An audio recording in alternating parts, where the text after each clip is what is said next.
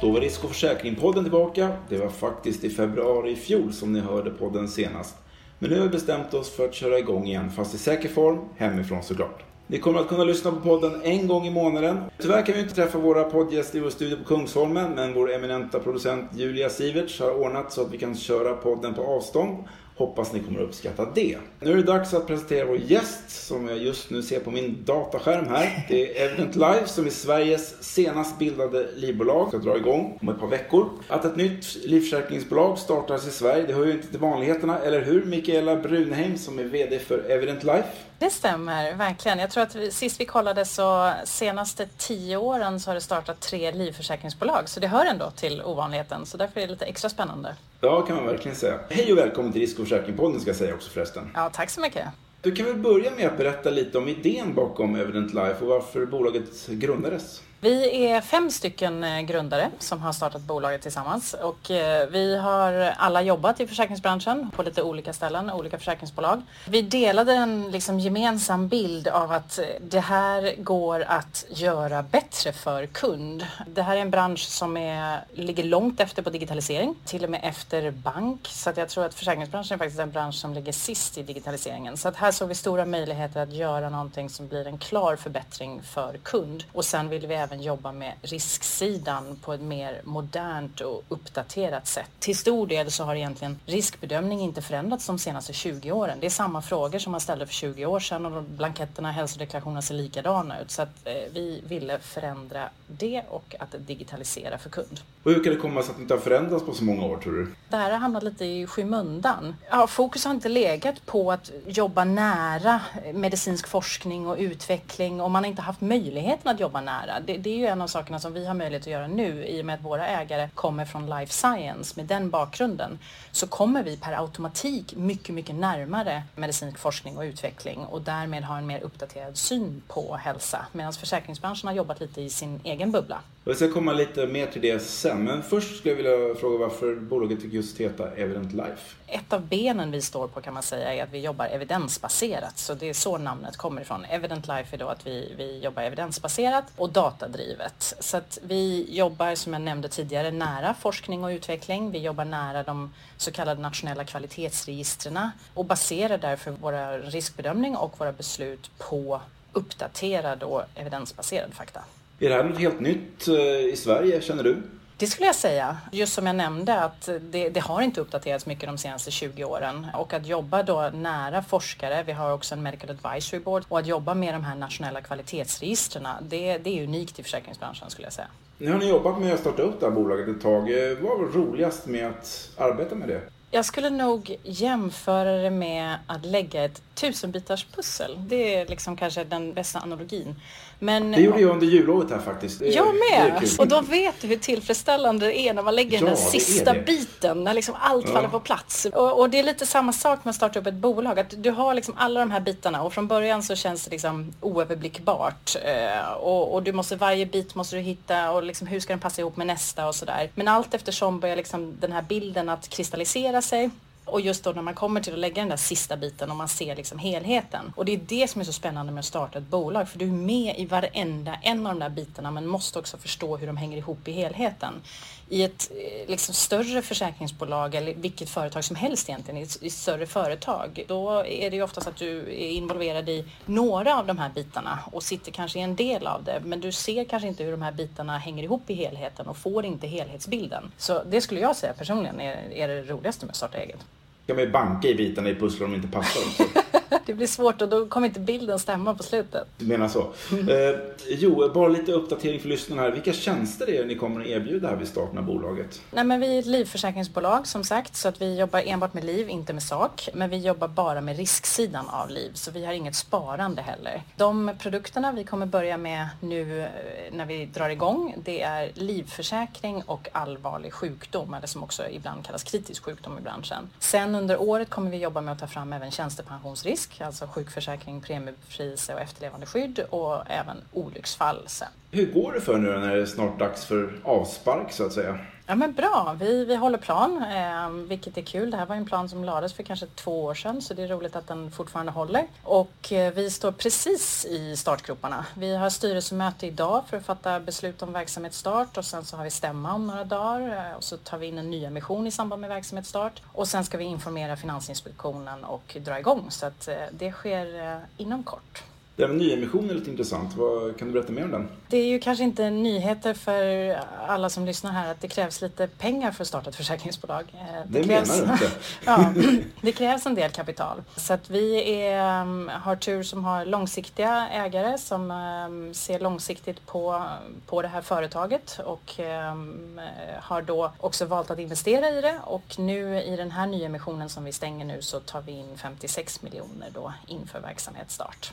Eh, just ägandet där, hur, hur ser det ut i bolaget? Dels är vi grundare, vi är fem stycken som jobbar i bolaget. Vi är alla också delägare.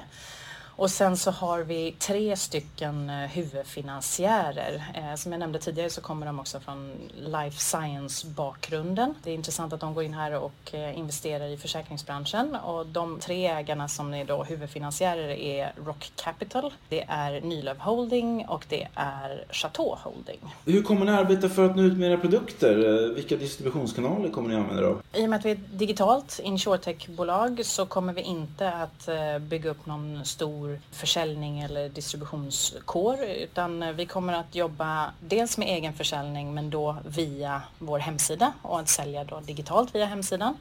Och det kommer stå för en liten del av distributionen. En större del av distributionen kommer vara genom våra partnerskap och det är både då med traditionella förmedlare i försäkringsbranschen. Det är även med nya digitala förmedlare och andra typer av partnerskap, antingen som riskbärare till befintliga företag eller att koppla ihop det med andra produkter som det är naturligt. Så att det är huvudsakligen via partnerskap men, men även då direkt mot kund via hemsidan.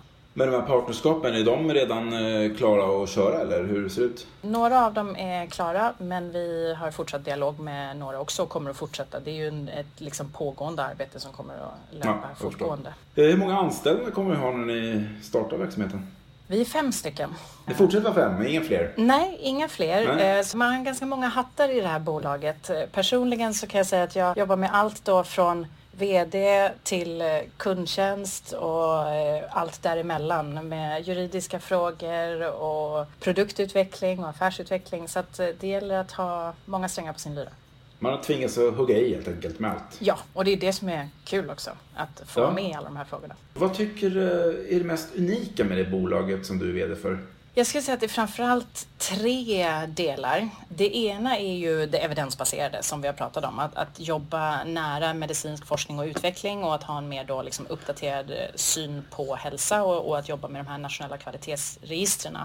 Ett sådant exempel är om man tittar på bröstcancer. Vanligtvis i försäkringsbranschen om du då precis har haft bröstcancer så blir du troligtvis nekad en försäkring och blir kanske ombedd att söka på nytt om några år.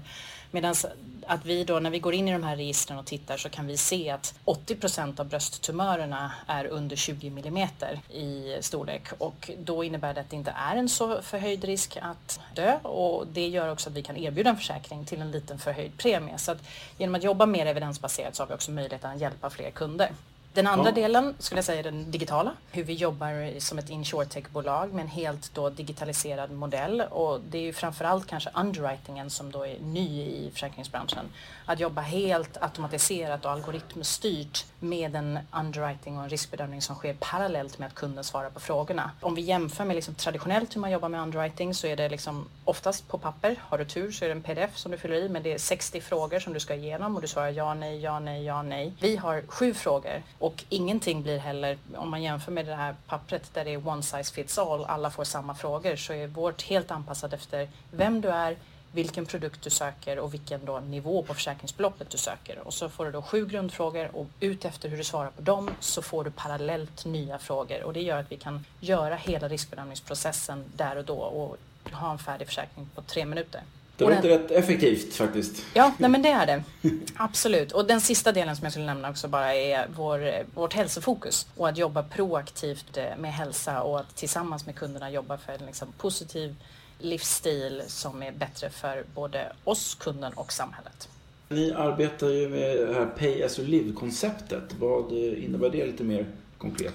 Ja, vi är först ut och jobbar med det så vitt jag vet, så att det kanske krävs en liten förklaring. Men jag tycker det. Ehm, det bästa att jämföra med skulle jag säga är i sakförsäkringsbranschen så har man ju, som man kanske redan känner till, Pay as you drive konceptet. Så känner man till det så är det ungefär då samma sak fast på livsidan med Pay as you live och det är alltså då att du genom de valen du gör kan påverka den risken du är och därmed få liksom någonting tillbaks från oss som försäkringsbolag. Så att om du gör positiva val i din livsstil och ehm, med de valen du gör så, så kan vi också då sänka premien. Och det här är då ett, ett område som vi precis har börjat att bara skrapa på ytan så att vi ska jobba mycket, mycket mer med det här. Vi har precis kommit igång med det och som sagt, det, det finns mycket att göra här, men det är något som vi tror på. Att utveckla och vad är ett typiskt positivt val? Ett typiskt positivt val som är ganska enkelt i vardagen är ju hur mycket du rör på dig, hur mycket du går. Det är ett mm. typiskt positivt val. Och att då om du rör på dig och promenerar och så, så har du också möjligheten då att få någonting tillbaks med en reduktion på premien. Skickar man in stegmätare till er då, eller hur gör man då? Vi håller på att titta på lite olika samarbeten, men, men som vi har pratat om det internt så, så vill inte vi binda någon kund vid en viss typ av device eller något sånt, utan det ska vara flexibelt de devices du använder dig av idag och liksom fall det är ja, Fitbit eller eh, Apple Watch eller så. Och då kopplar du upp till dina befintliga devices och sen kan du då välja om du vill, så det är helt frivilligt också, men du kan välja att dela den här datan med oss eh, som vi då får i olika events eller vad man ska säga. När du når ett visst event då får vi en signal om att vi kan sänka premien och, och så vidare. Det är ett exempel på det. Ett annat exempel mm. som vi jobbar med är Kinematic eh, som är då en 3D bodyscan kan man säga. Att med hjälp av en 3D-kamera så skannar du din kroppshållning, rörelse och motorik, balans och så gör du ett antal övningar framför den här kameran och då får man också ut en rapport utifrån det att vilka är områdena som du behöver jobba med och behöver du bygga styrka någonstans för att undvika att du ska skada dig eller råka ut för en olycka eller så. Och så får du ett antal övningar som du kan göra. Vi pratade lite om det här Medical Advisory Board som ni har knutit till er. Eh, vilka mm. kompetenser eh, besitter de? De har spetskompetens framförallt inom cancerforskning, inom försäkringsmedicin och epidemiologi. Svårt ord det där. Så ja. vad, vad det innebär då är egentligen forskning på hur sjukdomar framkommer i samhället. Vad, vad är det som gör att vissa sjukdomar och exempel på den typen av forskning är tobak och att tobak leder till lungcancer om man ska ta liksom ett enkelt sånt. Så vi har tre stycken i vårt Medical Advisory Board och vi har Dr. Cliff Titcop som är specialistläkare inom internmedicin och han är amerikan och har jobbat med också amerikanska försäkringsbranschen i 30 år. Sen har vi professor Per Hall som är en av Sveriges vassaste cancerspecialister skulle jag säga och forskare på KI. Och sen har vi Dr. Martin de Chateau som är biotech-entreprenör och också forskare på KI.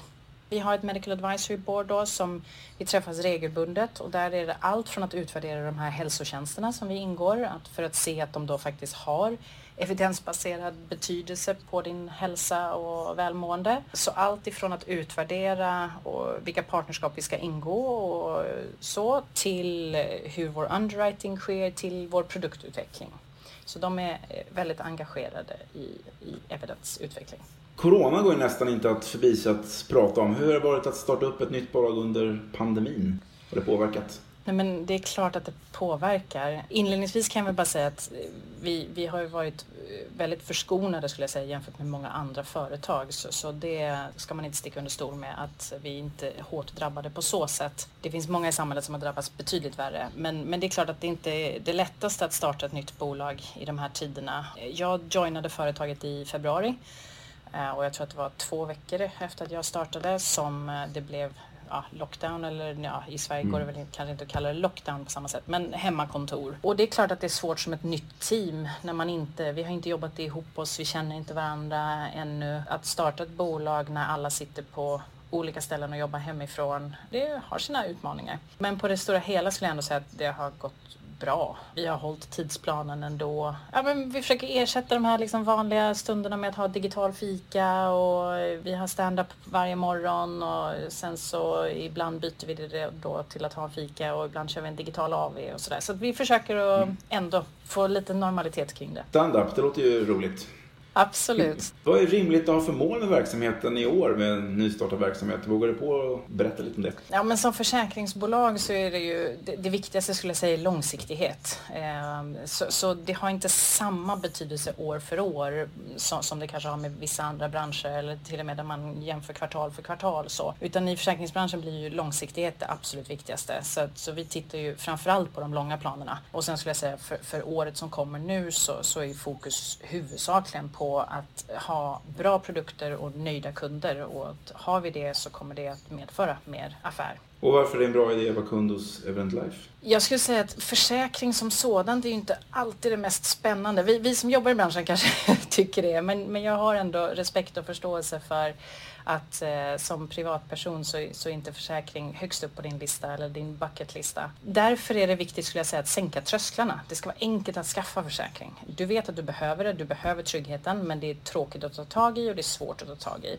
Du vill slippa alla papper, du vill slippa att det tar tid och väntetider och skicka blanketter som ska skrivas under. Så, här. så det ska vara enkelt och det ska gå fort och det här kan du göra på tunnelbanan med din mobil och tre minuter senare så har du en försäkring. Fantastiskt. Nu skulle jag och lyssnarna gärna vilja veta lite mer om dig, och vad du gjort tidigare. Hur kom du till exempel in i försäkringsbranschen och när och var gjorde du det? Det är kanske fel att kalla det en slump, men, men någonstans så är det kanske ändå det. Jag har aldrig varit någon sån här som har haft liksom fem eller tioårsplaner och, och liksom vetat att jag ska göra det här och nästa steg är det här och sådär. Utan när någonting känns rätt och där jag känner att jag kan liksom utvecklas och utmanas, då, då vill jag gärna hoppa på det. Och det var väl det som hände i det här fallet, att eh, jag har varit i branschen nu i drygt tio år. Så dels var det viljan, skulle jag säga, att jobba med en fråga som är viktig. Jag började på SPP Storband och tittar vi på SPP då så är det väl, ja, inte riktigt men nästan en av tio svenskar som har sin tjänstepension där. Så det kändes viktigt att få jobba med att förbättra framtiden för en av tio svenskar. Så att jobba med viktiga frågor, det som har stor betydelse för liksom framtiden för många människor. Och i Storbands fall är det ju ännu fler i Norge. Så det var väl en grej som liksom tilltalade om branschen. Och sen skulle jag säga att det var traineeprogrammet som jag började i storbrand SPP. De hade ett management traineeprogram som jag blev väldigt imponerad av under den processen, under den intervjuprocessen som var. Ja, hela koncernledningen satte av en hel dag för att intervjua alla slutkandidaterna så att jag träffade fyra stycken i koncernledningen och blev intervjuad av dem. Då visste man att det här är ett program som är liksom förankrat i hela bolaget. Trainee-mamman som vi kallar henne, men Anne, hon hade bilder på alla traineer som liksom någonsin gått i programmet på sitt skrivbord. Så det kändes liksom väldigt personligt och någon som liksom var väldigt engagerad. Och sen så visste jag att, ja, jag tror att det var 80 eller 85 procent av alla som hade gått traineeprogrammet var fortfarande kvar i koncernen i olika roller. Och det, det sa mig också att det, det finns mycket spännande att göra efter och att många trivs. Så att jag fick en väldigt, väldigt bra känsla och det var ja. väl det som avgjorde det. Så att då startade jag i försäkringsbranschen och då mer specifikt i Storebrand och SPP, deras management trainee-program. Du pratar om att vara personlig, det tycker jag blir ännu mer nu. Här kommer ett par påståenden där du ska välja ett av dem som beskriver dig lite grann som person. Yes. Därför att eh, lyssnarna ska kunna få en chans att lära känna dig lite mer här. Är ja. du redo? Då kör vi igång. Shoot. Hund eller katt? Hund. Det här är ju inte ens en fråga. Kött på tallriken eller fisk på tallriken? Både och får man säga det. För jag skulle inte vilja välja det. Jag är allätare skulle jag säga. Men jag behöver äta båda. Utför eller åka skidor på längden? Utför. Hemmafest eller utekväll på stan? Utekväll på stan. Soul and R&B eller rock? Soul and R&B. Benjamin Ingrosso eller Bianca Ingrosso? Benjamin Ingrosso. Ronaldo eller Messi? Messi. Paddel eller golf? Paddel. Kombi eller sportbil? Sportbil. Gå på magkänsla eller analysera länge och noga? Olika i olika fall. Ja, såklart. Bra jobbat! Nu vet vi ju nästan allt om dig här, eller hur? Tack så mycket, ja. ja. Absolut. Som opartisk branschjournalist önskar dig ändå stort lycka till med Evident Life när ni snart är igång verksamheten skarpt. Tack så kan mycket. Kan du ge oss ett exakt datum när det blir? Inte riktigt ännu. Det är några som sagt formella frågor, men jag skulle säga eh, inom två, tre veckor. Då tackar jag dig Mikaela för att du ville vara med i Risk och försäkringspodden. Tack så mycket själv. Vi är tillbaka i februari då vi kommer att prata med någon annan intressant person från vår härliga försäkringsbransch. Vem det blir, ja det får ni se. Ha det bra tills dess, säger jag, Jonas Engmark. Producent för Risk och försäkringspodden var Julia Siverts.